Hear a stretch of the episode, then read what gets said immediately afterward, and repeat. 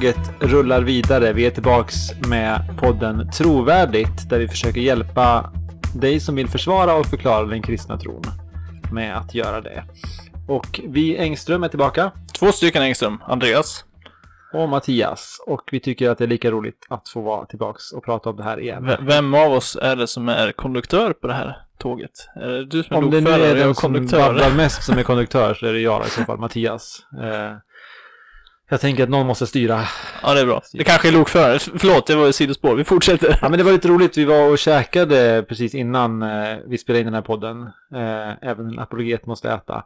Och vi käkade hamburgare och jag tyckte det var jättegoda hamburgare. Så jag sa till och med det till servitören att det här är ju jättegott.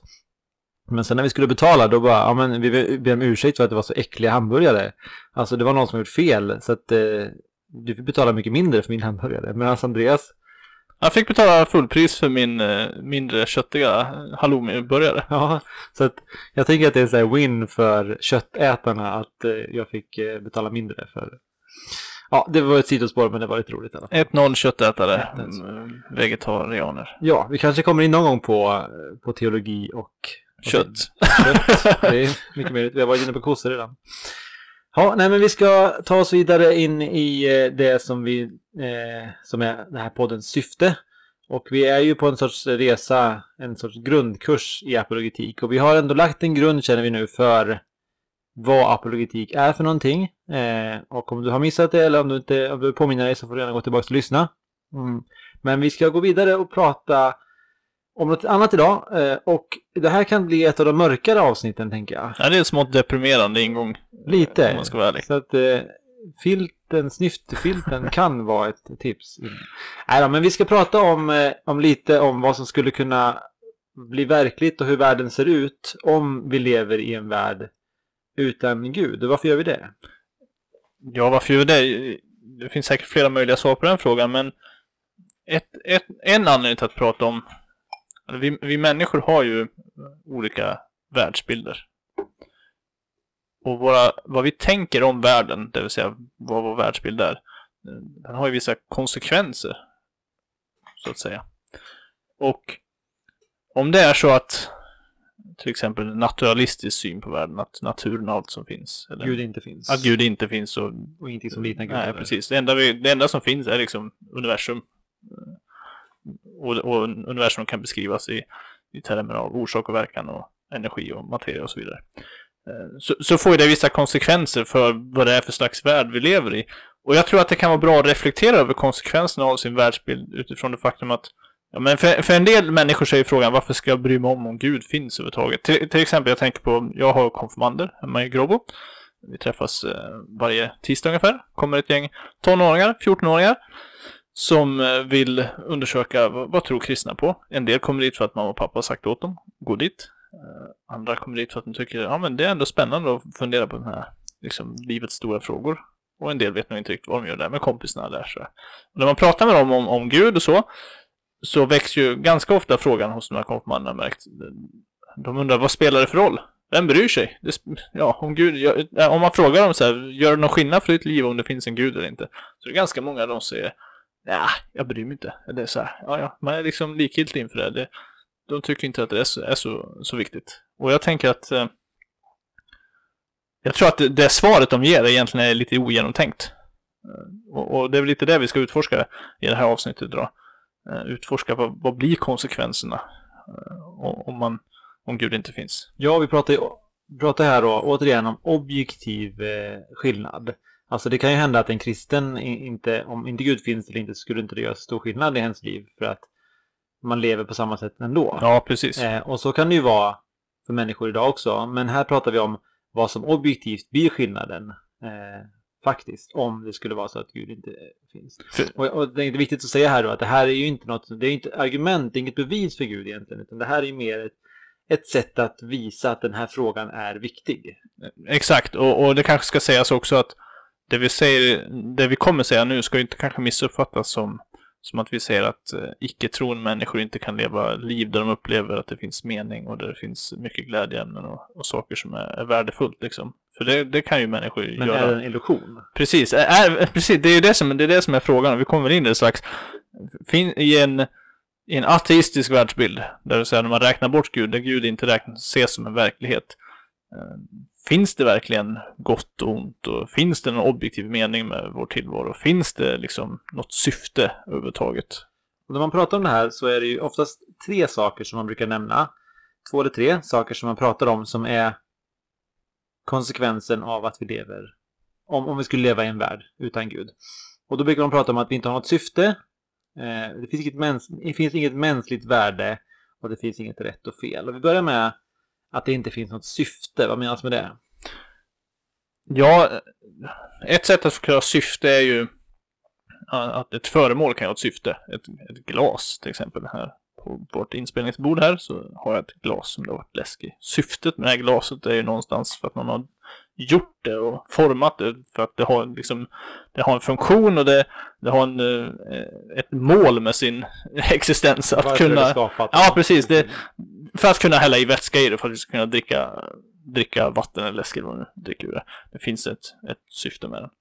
Eh, Och, och det är svårt att som, som ateist kan jag tycka att motivera att det skulle finnas någon slags syfte med, med våra liv. Om, om det inte finns någon som har gjort oss eller som har liksom lagt ner ett, ett syfte i oss. Vi råkar bara ha funnits till Ja, men precis. en biprodukt kan man säga av, av naturens gång. Ja, så är det. Man skulle ju kunna spola tillbaks historien, om man nu har haft den möjligheten. Spola tillbaks ända till Big Bang. Och så går alla naturliga processer igång och allting rullar vidare sådär. Och sen, här finns vi liksom. Det bara råkar bli så. Det, det är ju ingen som har tänkt att vi ska finnas. Det är ingen som har önskat att vi ska finnas. Det, det är bara en slump att vi är här överhuvudtaget liksom. Mm. Och dessutom så, så slutar vi ju ing, ingenting. Eh, så att det finns inget, inget eh, vi strävar efter, ingen anledning till som vi ska uppnå. Eh, det finns ingen som behöver oss egentligen. Så vi har inte som glaset ett tydligt syfte utan vi bara råkar finnas till. Ja. Eh, det mänskliga värdet, eh, vad menar man pratar om ett mänskligt värde då? Alltså är vi människor, vi brukar ju ofta tänka så här att eh, ja, men man får inte skada människor för att människor har ett instring, ins, Inneboende. inneboende värde som man inte får kränka. Alla människor är värda någonting. Men vad grundar vi det på om inte Gud finns? Ja, det är nästan svårt att se att människor skulle ha ett sånt värde. Eh, för vad är det som skapar det värdet i oss? Vad är det som skiljer oss från andra djur? Det har ibland beskrivits som att eh, något som kallas för art, artism. Som rasism, fast med arter istället. Ja, men precis. För rasism är ju att man favoriserar en ras fast man inte har någon rättighet till det. Eh, man, man har ingen anledning att favorisera en ras, men man gör det ändå. Och artism skulle i så fall vara då att man favoriserar ett viss, en viss art, människan, utan att ha en anledning till det. För människan är ju inget speciellt eh, om inte... En del skulle ju säga då att jo, men det finns ju viss skillnader mellan människor och, och, Mm. och djur så att säga. Vi är självmedvetna och vi är, har förmågan att eh, så att säga skapa oss en mening och sådär. Att det ändå skiljer oss från, säg, hundar. Mm. Vad, vad är det som gör att det gör att människan ska ha värde? Det är ju bara att man har valt de egenskaperna då och upphöjt dem. Eh, och det är sånt vi uppskattar för att vi är människor, men det är ju inte sånt myggor uppskattar. Myggor skulle kunna säga i så fall men att man borde, vi har ändå möjlighet att suga blod. ja, precis. Och det borde vara definitionen för vi är blodsugare, Ja. alltså så finns det Vi har en, tagit en, en, ett värde hos oss liksom. en, en, slumpad, oje, alltså orättfärdigad egenskap och gjort det till det viktiga.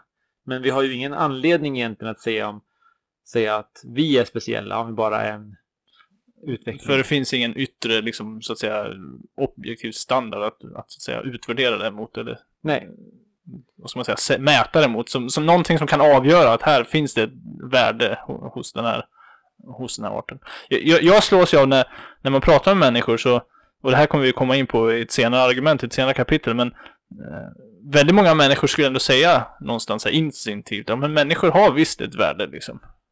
Att, eh, att eh, vi, vi har ju till exempel FNs deklaration om mänskliga rättigheter. Det, hela den grejen är ju baserad på en, på egentligen en trosuppfattning att människan är värdefull för att hon är människa liksom. Och, och extremt många svenskar skulle ju säga att det är fel att diskriminera till exempel. Det är fel att diskriminera kvinnor eller det är fel att diskriminera eh, invandrare eller vad det kan vara. Mm. Och, det, och det går ju tillbaka på att vi tillskriver människor ett värde. Vi hävdar att det är fel att diskriminera därför att människor har ett, ett värde.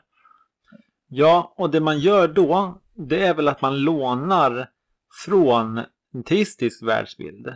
Alltså, man, ja, man skulle kunna säga så att människan kan inte leva som att djur inte finns egentligen. För att i sin egen naturalistiska världsbild så har man bara tillgång till, det har beskrivits på det här sättet, att man har bara tillgång till eh, det som finns på den lägre nivån. Eh, Säg att man kan tänka sig ett hus med två våningar. På den lägre nivån, där finns det bara eh, ingen, ingen, inget syfte, inget rätt och fel, ingen mänskligt värde. Men det ateister gör många gånger är att de lånar från den här eh, övre delen där det finns värde och, och, och eh, syfte och rätt och fel och så. Och så tar man det in i sin världsbild fast man egentligen inte har tillgång till det. Eh, förstår du hur jag tänker? Hur jag tänker? Ja, jag, jag tror jag är med på det. Man, eh, man, man skulle kunna säga för att vara logiskt konsekvent med, konsekvent med sin egen eh, världsbild Mm. eh, så, så skulle man egentligen inte kunna säga att du är värdefull. Eh, Inte i någon objektiv mening i alla fall, utan bara jag kan. Jag kan ju visserligen säga, "Jo, för mig är du värdefull. Men, det finns ingenting så att säga objektivt. Om jag tar min dotter som exempel. Ja, du är värdefull för mig för du är min dotter. Det finns någon slags släktskap här. Och subjektivt från min sida så tycker jag att du är viktig.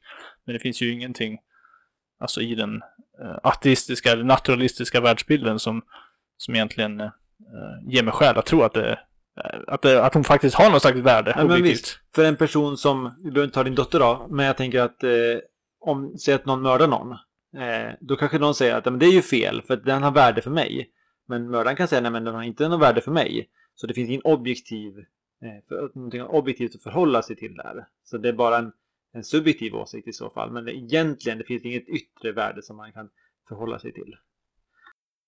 Nu ska vi ta, hålla med en ateist. Det gör vi kanske inte i varje poddavsnitt. Jag skulle gissa att vi inte kommer göra det. Men den här gången så ska vi citera en, en kanske för några av er lyssnare, känd ateist som heter Richard Dawkins. Han är ju en sån eh, ateist som är ganska utåt med sin ateism. Som vill gärna vill sprida den och skriver böcker om den. Försöker uppmuntra andra att bli ateister. Så det är kanske motsatsen mot vad vi gör här då kan man säga. Ja, det får man nog säga. Ja, och han har sagt det här i alla fall på engelska då. Jag ska översätta sen. Men han säger sagt, sagt eller skrivit The universe that we observe has precisely the properties we should expect if there is at bottom no design, no purpose, no evil, no good, nothing but pitiless indifference. Vad är det han säger här egentligen?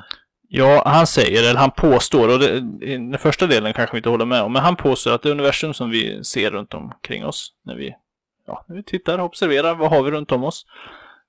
Så ser vi ett universum som skulle se ut, så här skulle det se ut om det inte finns några, det finns ingen mening, det finns ingen design, det finns inget syfte, det finns ingen ondska, det finns ingen, inget som är gott, utan bara eh, obarmhärtig likgiltighet i slutändan. Universum skiter i att vi finns. Ja, det, det, är, det är Richard Dawkins poäng här liksom att eh, så, så universum. Och, och vi håller ju inte med om det. Att när vi tittar på det universumet så ser vi ett universum som eh, det där är sant. Men det vi håller med om är att om Gud inte skulle finnas, Ja, om kristen tro inte är sant precis. så, så har han rätt. Då skulle universum ha de här egenskaperna som han beskriver.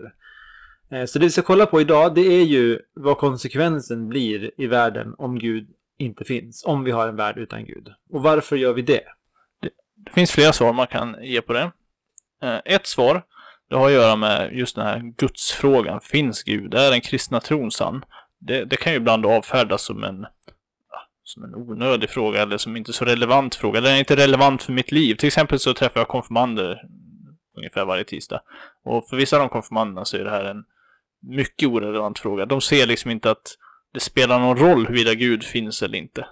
Men som vi ska försöka visa nu i, i dagens avsnitt här är att jo men det får faktiskt för hur du ser på världen får konsekvenser för, för ja, du får, din världsbild får konsekvenser.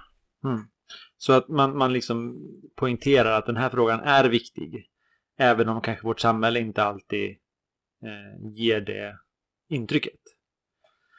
Eh, och det är ju en viktig aspekt. Och det, där säger vi ju att det här är ju inget bevis för att Gud finns. Men det är en, ett sätt att visa att den här frågan är viktig och be behöver tas på allvar. Eh, en annan anledning kan vara att vi gärna... Det kan vara ett sätt att använda apologetiken, att visa att någons världsbild inte egentligen håller. Man kan visa, och det här som vi gör nu, det, det kallas med fint språk för redactium absurdum. Alltså att man drar, visar på vad blir konsekvensen av om du följer den här världsbilden till sitt slut. Om du följer den här vägen som du är på väg mot, då kommer du hamna här. Vill du verkligen hamna här? Och då kan man visa att då kanske du behöver tänka igenom vad du håller för sant. Och, och det, det är slående för mig, när, nu har vi citerat här från Dawkins, så han säger att när vi tittar på universum så ser vi ett universum där det inte finns syfte, mening, moral och så vidare. Ehm, men när man läser vidare hans böcker, till exempel i Illusion om Gud, så ägnar han många, många sidor åt att kritisera religiösa människor för hur de beter sig och saker som de gör fel. Han, han kritiserar dem på moralisk grund. Och där ser man ju då hur det i hans egna världsbild plötsligt skär sig lite. Å ena sidan säger han det finns inget syfte, det finns inget gott eller ont. Å andra sidan så börjar han komma med moraliska påståenden. Så liksom hans världsbild ger inte honom den grunden han behöver för att liksom vara logiskt konsekvent. Just det, han går utanför sin världsbild. Exakt. Och det är ett annat sätt att visa för människor att ja men kolla här, du behöver faktiskt eh, låna från den kristna tron för att hålla fast det du vill hålla fast vid. Och det kommer vi tillbaka till. Men vi, om vi går in då på, på vad anledning, vad, vad, vad konsekvensen blir, vad kan vi säga då? Det finns ju flera konsekvenser. Jag tycker Dawkins han fångar ju många av de där konsekvenserna ganska bra. Bara där har vi hamnat i ett mörker kan man säga. Ja, precis. Det är där vi är. Vi är i mörker. Och en konsekvens, om Gud inte finns så är det väldigt svårt att se att, att vi människor skulle ha eh, någon särskild anledning till att finnas. Alltså det är ingen som har, det finns ingen, utifrån kristen tro, även visserligen i, i viss utsträckning i, i andra trosystem, så finns det en, en skapare Gud, en skapare som ligger bakom oss, som, som vill att vi ska finnas här. Men om, om, eh, om Gud inte finns överhuvudtaget så är det svårt att se att vi skulle ha någon liksom, direkt anledning till att existera. Så när man, om man tar ett glas vatten till exempel. Glaset har ju ett syfte med att existera. Det är någon som har skapat det av en anledning. Eh, det är till för att hålla vatten och det är till för att kunna göra det lättare för oss att dricka vatten. Och det är ett syfte. Eh, det finns en, en anledning. Men om inte Gud finns, då är vi motsatsen mot det kan man säga. Då har vi ingen anledning. Vi råkar bara finnas till. Vi är en biprodukt av evolutionen. Mm. Eh, och det finns ingen som har tänkt någonting med oss. Utan vi bara råkar finnas till. Om man skulle kunna tänka sig att vi, om vi hade möjligheten, skulle kunna spola evolutionshistorien bakåt och så skulle vi köra den en gång till. Så skulle evolutionen kunna ta andra vägar och så skulle vi inte finnas... Strunta oss. Ja, det skulle vara, se helt annorlunda ut. Det är bara en stor, en stor olycka, olycksfall i evolutionens arbete att vi, att vi råkar, eh, råkar existera. Ja, och inte nog med att vi inte har någonstans vi kommer ifrån, något syfte med oss som har tänkt någonting med oss, så är vi inte heller på väg mot något speciellt trevligt ställe, eh, om inte Gud finns. För om Gud finns, då säger ju i alla fall kristen tro att vi är på väg mot eh, en evighet tillsammans med vår skapare. Vi har en, en, en, ett syfte och ett mål helt enkelt dit vi är på väg. Eh, och men om Gud inte finns så är ju det verkligen inte fallet. Utan då pratar ju istället vetenskapen om att, att dels så vet vi att alla människor kommer att dö eh, som individer. Mm. Men också hela mänskligheten kommer en dag att ta slut i det som eh, universum, eh, som, som vetenskapsmän beskriver ibland som universums värmedöd. Där all energi tar slut i hela universum och hela universum kommer bara vara ett enda tomt och dött eh, i ett tomt och dött tillstånd där det inte finns någon människa längre. Och det betyder ju att eftersom allting slutar likadant, eh, eftersom allting slutar i mörker så spelar det ingen roll vad jag gör idag för någonting. Alltså alla framsteg vi har tagit eh, vetenskapsmässigt, alla eh, forskarframsteg när det kommer till eh, medicinska framsteg eller när man har saker man gjort för människor eh, kommer inte ha någon effekt egentligen. Eh, utan allting kommer egentligen sluta likadant. Det ger ingen bestående avtryck så att säga. Så då spelar det ingen roll om jag levt som en snäll människa, som ett helgon eller som ett monster. Eh, eller med bidragit på någonting eller med struntat i allting. För allting blir i slutändan samma sak. Eh, när mänskligheten försvinner. Så det, allt det jag tror är mitt syfte som jag upplever att det här ska jag göra i mitt liv. Vare sig det är att eh, bli bäst på fotboll eller att bli bäst på, eh, forska inom viss sak eller åka till ett annat land och hjälpa människor som är fattiga har ingen betydelse i slutändan. Men om Gud finns så har det ett syfte i evigheten. Precis, jag, som kristna så tänker vi att, att målet för mänskligheten är ju egentligen ytterst att få del i det upprättade Gudsriket. Att Gud gör en ny himmel och en ny jord. Eh, där han liksom så att säga infogar eh, allt, allt gott, allt, allt positivt från något, från, från, på något sätt rum i den, i den nya skapelsen. Eh, och, och, det gör ju också att våra beslut får, gör, gör, ja, gör faktiskt reell skillnad.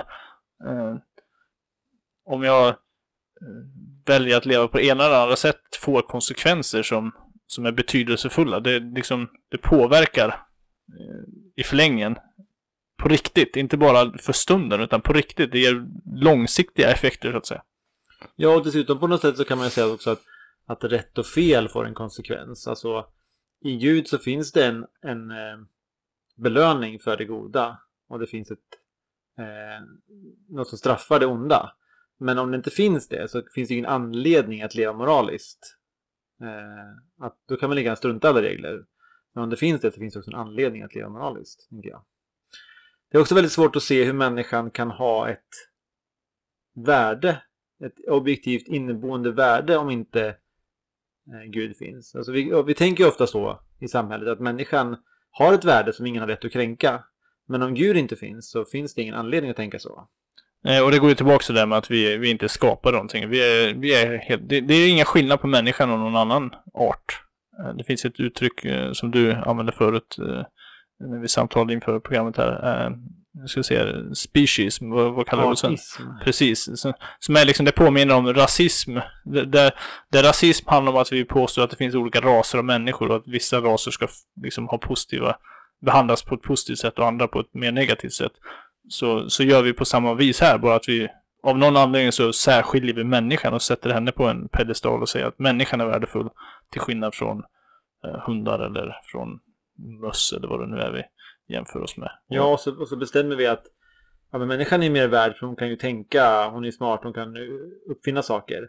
Då har vi bara valt ut några egenskaper som vi tycker är schyssta liksom. Mm. Med, medans eh, en mygga, om den skulle få tycka, skulle tycka att de, vi klart vi ska bevara alla oss, för vi kan ju suga Vi är blodsugare liksom. Ja, det, det är det man ska göra. det är det som är...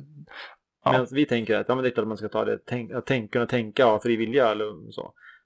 Men vi, ja. Ja, och när man pratar om fri vilja också, växla över till en sista konsekvens här. Och det, det, finns säkert fler konsekvenser man skulle kunna rada upp, men jag personligen har också väldigt svårt att se i en gudlös värld eh, i en värld som går att reducera till, eh, till materia och energi och som går att reducera till eh, orsak och verkan. Eh, hur vi, hur vi som människor överhuvudtaget kan eh, tänkas ha en, en fri vilja. Eh, att vara agerande, så att säga, individer. Det, jag har svårt att se var, vart det inputen skulle komma från. Människan blir som en maskin. Ja, men precis. Människan, I så fall är ju människan bara en biologisk maskin. Och jag består av mina gener, jag består av mina atomer och allt vi är uppbyggda av. Och jag bara rullar på enligt en, ja, i brist på bättre ord, programmering. Det är inte programmering, men utifrån det så, så som den här maskinen råkar fungera. Och, och, det ger ju heller ingen anledning till att tänka att det skulle finnas något som är rätt och fel. För att om jag bara lever på utan som maskin Eh, då finns det ingen anledning att tänka att någon tar något beslut som sen ska vara rätt eller fel. Utan det är bara något som råkar hända. Precis som när slumpen tar sin gång. Liksom. Eh, någon sa någon gång att mord på en ateistisk världsbild eller på en naturalistisk världsbild det är bara en, en grov omarrangering av atomer. Egentligen inte att någon dödas utan det är bara ett gäng atomer som flyttas. Eh, så det här är ju inte en positiv bild helt enkelt som växer fram. Eh... Bu! Nej men så är det. Och, och det, det, kan ju vara lätt att avfärda det med att liksom, ja men jag lever bara på. Men jag, jag, jag tror att om, om människor verkligen tog in det här, alltså liksom på djupet började reflektera över, över att allt jag gör är ytterst sett helt meningslöst. Eller det finns inga rätt och fel eller, eller något av de andra sakerna jag har sagt. Så, så blir det svårt att leva ett, ett liv och samtidigt vara på något vis nöjd och glad. Eh, så. Ja, man måste nog låna av en annan världsbild än, än att Gud inte finns som man, den, den, man har för att kunna leva ett, ett eh, konsekvent lyckligt liv. Och, och, och vi, ska, vi ska inte dra ut på det för länge, men kanske ska poängtera att vi menar ju inte att en icke-troende människa inte kan leva vad den upplever är ett meningsfullt liv eller att den inte kan vara moralisk, liksom högstående och fatta goda moraliska beslut. Utan poängen handlar ju helt enkelt om att, att vara konsekvent med den världsbild som man säger sig ansluta sig till. Ja, och anledningen till att den kan göra det, det är för att, den, för att vi tänker för att den faktiskt bor i ett universum som har objektivt en gud i sig. Även om den tänker att den inte har det. Vi ska avsluta där. Vi ska eh, gå över till ett annat segment. segment. I, I den avslutande delen av det här segmentet ska vi prata om lite invändningar mot det här eh, som vi har sagt nu. Vad kan man tänka sig att en ateist svarar då? Eh, segmentet Fördomspåsen. Eh, det här ska bli kul. Eh, vi ska prata om någonting som jag kan höra ganska ofta. Eh, och det är att man säger så här. Ja men kristendomen det är ju bara för dem som är svaga, som behöver en, stött, en stö, eh, stöttepelare, vad säger man där? En krycka, en, nå någonting att luta sig mot. Ja men, och att Gud skulle vara i så fall en paj i himlen. Liksom, att man pie in the sky. pie in the sky, precis. Man önskar att det fanns någonting där. Det är bara en, en, en önskan man har som, som svaga människor behöver för att överleva en tuff värld. Liksom. Mm, och kanske särskilt då just av det som vi har sagt här nu, att om nu livet är meningslöst ytterst sett så är det vissa som ja men jag får uppfinna Gud liksom så jag kan ta mig igenom den här skiten. Ja, och, och det här, eh, man kan ju känna igen sig i viss, alltså jag tycker att det är skönt att ha kristen tro. Det är inte så att man liksom, Gud kan ju vara en, någonting som stöttar jag, jag tycker en sak som skiner igenom en sån här påstående är någon slags förakt för svaghet också. Uh, att man, Ja, är det, är det fel att vara svag eller? Det, det, hela premissen här är ja, det är bara, kristen tro är bara för de svaga och man behöver något att stöttas mot. Jag tror att en allmän, allmän mänsklig erfarenhet är att vi alla ibland känner att jag, det, jag liksom, mina resurser tar slut, jag räcker inte till, jag behöver någon eller någon eller några att luta mot och få stöd mot. Jag är inte helt säker på att det i sig skulle vara... Ja, men så en viss nivå så kan vi hålla med om påståendet. Ja, Gud precis. finns där för de svaga. Det är ju Bibeln väldigt tydlig med. Absolut. Men, men det är ju på, här inkluderar man ju också på något sätt att det här är någonting som folk hittat på. För att det är. Och det får man ju säga, det är ju inte vi med på tåget längre. Nej, det för att ta den sak. metaforen ännu en gång. Nej men visst. Och jag tänker här att här ska vi också eh, få in eh, en, en fin filosofisk term. Och det som kallas för det genetiska felslutet. Har det med genetik att göra? Ja men det har väl lite med genetik att göra. Eller det har ju att göra med varför vi tror saker. Eh, och eh, argument felslutet, ett argument felslut innebär att man har ett, ett klassiskt sätt att argumentera fel på. Eh, det finns några sådana inom filosofin som vi försöker komma, komma tillbaka till. Här går det ut på att man eh, försöker bevisa att någonting är fel för att man bevisar hur anledningen till att personen tror på det man skulle kunna tänka sig, du tror att eh, jorden är rund därför att det stått i eh, Kalle och Hobbe. Ja, precis. Och då säger man att det är ju ingen bra anledning. Nej, det är en då, när det gäller så här, fysik så är Kalle Hobbe, jag vet inte om tidningen finns som Kalle Hobbe, men ja, det, det en serie, den serien är inte liksom en auktoritet på området geologi och astronomi liksom. Problemet då? Problemet är att man kan ju ha jättedålig anledning till att tro att något är sant, men det kan ju vara sant ändå. Ja, det, sanning, sanningshalten i någonting eh, har, hänger inte på, att, på varför en person tror på det eller inte. Hur, hur den kommer att tro på det. Alltså det, kan, det är helt, de är helt separata grejer. Du kan, man kan tro på någonting av väldigt dåliga anledningar som vi sagt och ändå kan det vara sant. Eh, och det, det, I det här fallet skulle det lika gärna kunna vara att eh, vi behöver en krycka i livet för att Gud har skapat oss på det sättet. Att vi är beroende av honom. Eh, det behöver inte betyda att vi har hittat på det för det utan eh, det är bara, det är liksom det säger ingenting om sanningen eller inte i påståendet. Nej, bara för att jag kanske upplever någon gång att jag söker Gud utifrån att jag har behov av stöttning i livet så behöver inte det innebära att, att Gud inte finns. Det är, det är två skilda frågor helt enkelt. Ja, så återkom i det här svaret återigen till eh, ja, men eh, är det sant? Då det, för det de påstår är, eller menar du då att, att jag hittat på det här? Är det det du menar? Ja. Ja, men så tänker inte jag. Jag tänker att det finns goda skäl till att tro att det här är sant. Det, här känns som det kommer bli en så här återkommande tema i våran eh, fördomspåse. Vi kommer vilja visa hur vi kan använda de här fördomarna till att sådär ja, nu det blir lite filosofisk judo. Man, man vänder på, på Ja, lite anklagelser. ja, Ja, exakt. Och sen får man, en comeback. Ja, men det tänker jag att man ska utnyttja alla tillfällen man har att eh, visa på att Gud finns. Ska vi hoppa vidare till nästa segment? Det gör vi.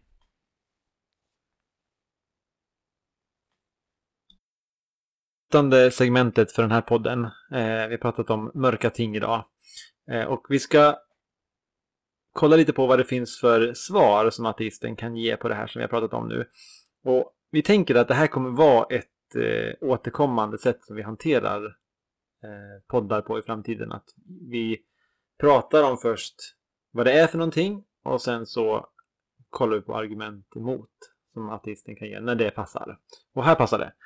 Så att vi ska kolla lite, vad, vad, vad kan man svara på det här med att allting är en, ett meningslöst Meningslöst mörker. utan Gud? Eh, och en sak vi redan pratat om, nämligen att man kan säga så här, ja men det här bevisar ju ingenting. Nej, och det är vi helt med på. Och det är Ja. inte våran poäng heller, som sagt. Utan vi visar bara konsekvensen. Och att det här är en viktig fråga och så vidare. Mm. Så det har vi hanterat redan. Vad mer kan en ateist eh, Ja, komma med? men man kan ju ändå säga så här, ja, okej, jag, jag köper att, att det inte finns någon yttersta mening. Eh, jag tänker att det måste vara ganska många artister som faktiskt gör det. Om vi tar Dawkins igen som exempel. Han, han är ju med på tåget. Han säger att ni har rätt. När ni hävdar att det inte finns någon gud så finns det ingen yttersta mening och, och alla de här sakerna. Men han skulle ju kanske gå och for, fortsätta med att ja, men det behövs inte heller något yttersta, yt, liksom yttersta mening så, utan vi, kan, vi människor kan skapa vår egen mening och vi människor, vi, vi har genom evolution och så också eh, formulerat en, en del moraliska eh, övertygelser och så, som hjälper artens fortlevnad och så vidare. Så att vi, vi behöver inte Gud, utan vi, vi klarar oss bra själv. Vi skapar egen mening och vi skapar eh, egen moral. Ja, och det kan man ju verkligen göra. Eh, men, och det kan vi hålla med om. Någon kan ju göra, göra det till sitt yttersta mål att bli den bästa astronauten i världen eller den bästa designen i världen och göra det till sin mening. Men det vi vill säga här är ju att det är ju inte i den egentliga meningen för människan. För det finns ingen objektiv mening, det finns ingen oberoende mening av människan om inte Gud finns. Utan det blir bara vad någon hittar på. Men det är inte den egentliga meningen för människan. Och det här kan man ju faktiskt, eh, det ligger lite utanför, men koppla till det som Bibeln kallar för avgudadyrkan egentligen. Det kan ju vara ett svårt ord. Men jag tänker att det i grund och botten är när man försöker göra någonting som inte är den yttersta meningen till den yttersta meningen.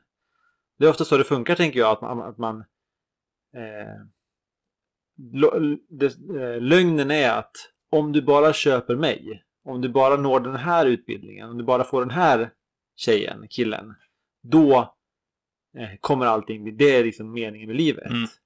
Men det, vill vi, säga, det vi vill säga här det är att det är Gud som är den yttersta meningen, relation med honom, för människan. Eh, och den finns såklart inte. Det finns ingen objektiv standard, det finns ingen syfte om inte Gud finns. Vad är, vad är problemet skulle du säga med den, med den andra saken då, det här? Och vi kommer ju fördjupa oss mer i det här med moral och sånt senare. Men vad är problemet med att ja, vi människor själva så att säga uppfinner moralen? Nej, men det är ju att det är en lögn i grunden. Det, det kommer inte hålla. Alltså, även om man kan uppleva att eh, när man väl blir förälskad, jag vet att de sett den här filmen Tobey Maguire, när han säger på slutet liksom i den filmen, då har de en sån här kärleksprat och säger han You complete me. Och det är ju någonting som alla längtar efter att få höra egentligen. Det är sån här fantastiskt i vår kultur, liksom romantik. Men det är ju inte sant. Alltså efter några år så kommer man ju känna att det finns andra saker liksom som complete honom. Eh, även om man känner sig just då. Så lögnen är ju att du blir lurad och tror att någonting är det största, det, det som kommer att tillfredsställa oss. När det bara är Gud som kan vara den rollen. Eh, Så att det är ju problemet då, att det, att det finns, det motsvarar inte våra förväntningar helt enkelt. Sen har man ju försökt på olika sätt, tänker jag, att eh, få en, en, en mening för människan. Ett, ett moral, en moral och ett rätt och fel. Man har till exempel utvecklat, många, många filosofer har utvecklat olika teorier för hur man kan få moral. Det finns några kända. Eh, konsekvens, eh, moral säger till exempel att vi ska göra så att mest antal människor får lycka. Eh, vad finns det mer? Sinnelagsetik, att hur eh, en moralisk handling avgörs av med vilket uppsåt jag har, har gjort den handlingen så att säga. Just det. Um. det finns kontraktteori som säger att människan har ett kontrakt mellan sig och det är bindande. I och med att vi kan tänka så har vi skrivit på ett sorts kontrakt där man eh, kommit överens om att vi ska behandla varandra på ett visst sätt. Och om man agerar utanför det kontraktet så har man... Eh... Och vi pratar ju om samhällskontraktet ja, så att säga till exempel. Ja, precis. Problemet är ju bara det att eh, vad händer om någon struntar i det kontraktet? Vem, vem ska säga då att den har fel? Det gör ju polisen och rättsväsendet i vårt samhälle. Men, men det vi far efter är ju egentligen att säga, ja, på vilken grund är det? Ja, just det. Vilken, på vilken grund är det man egentligen gör det? För, för vi, uppenbart så har vi strukturerat samhällen och byggt upp samhällen på det här viset. Men, men, men frågan är ju som sagt på vilken grund, om Gud inte finns. Och där kan man ju säga att samhällen eh, kan göra fel. Eh, så att det är inte en objektiv standard. Men kollar vi på Nazityskland till exempel så skulle vi säga idag att de, de hade en struktur men de var moraliskt fel.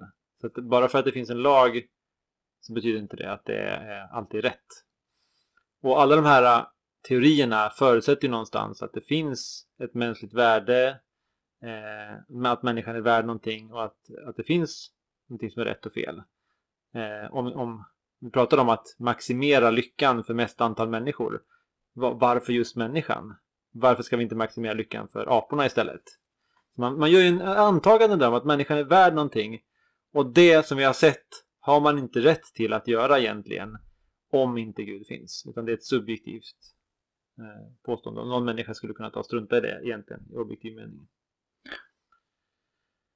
Så det är väl de invändningarna eh, som finns egentligen. Vi har ju sett att eh, det, om man läser litteraturen så håller de flesta med om det här. Eh, som Dawkins gör till exempel. Så att i det här fallet så blir det de invändningarna som eh, blir. Och har ni andra invändningar så är, är vi, eh, ser vi fram emot att få läsa dem. Om ni kommer på något annat som man skulle Shoot. tänka här. kör hårt! Eh, ja, det får avsluta den här delen. Och det vi har sagt den här, det här avsnittet när vi pratat om eh, vad som händer om Gud inte finns så har vi sagt att om inte Gud finns så blir världen en värld där det inte finns någon anledning till att vi finns. Det finns ingen mål med var vi är på väg någonstans. Människan har inget speciellt värde och människan har inte heller någon fri vilja. Och vi har sett att de flesta ateister håller med om det här. Men när man också kollar på deras liv som de lever så kan man se att det här går inte att, att leva konsekvent efter utan man lånar från den ateistiska från den teistiska. teistiska världsbilden för att kunna leva konsekvent lycklig eh, i världen. Det var en ganska bra sammanfattning av vad vi har försökt förmedla i dagens avsnitt. Tack så mycket. Ska vi säga någonting om vad folk kan eh, höra av sig? Hör av er på Facebook, vår Facebook-sida. Hör av er på Instagram. Hör av er på eh, mail. På mail så är det trovärdigt, trovärdigtpodd.gmail.com. På Facebook så heter vi trovärdigt? Frågetecken. Om du vill så får du jättegärna dela eh, dagens avsnitt i olika sociala kanaler och om du tyckte att det var uppbyggligt och intressant så är du välkommen att sätta betyg också i olika eh, poddplattformar. Ja, det tackar vi för och vi vill säga att vi är väldigt glada om det är någon som lyssnar och det är ingenting vi tar för givet. Eh, men hör gärna av er som sagt. Så då tackar vi för oss och vi vill som vanligt göra det genom att eh, tipsa om att Kid Amazed finns på Spotify. Han har gjort vår... Eh, Fantastiska jingel. Precis. Eh, tills dess att vi hörs igen. Ha det så fint. Ha det fint. Hej.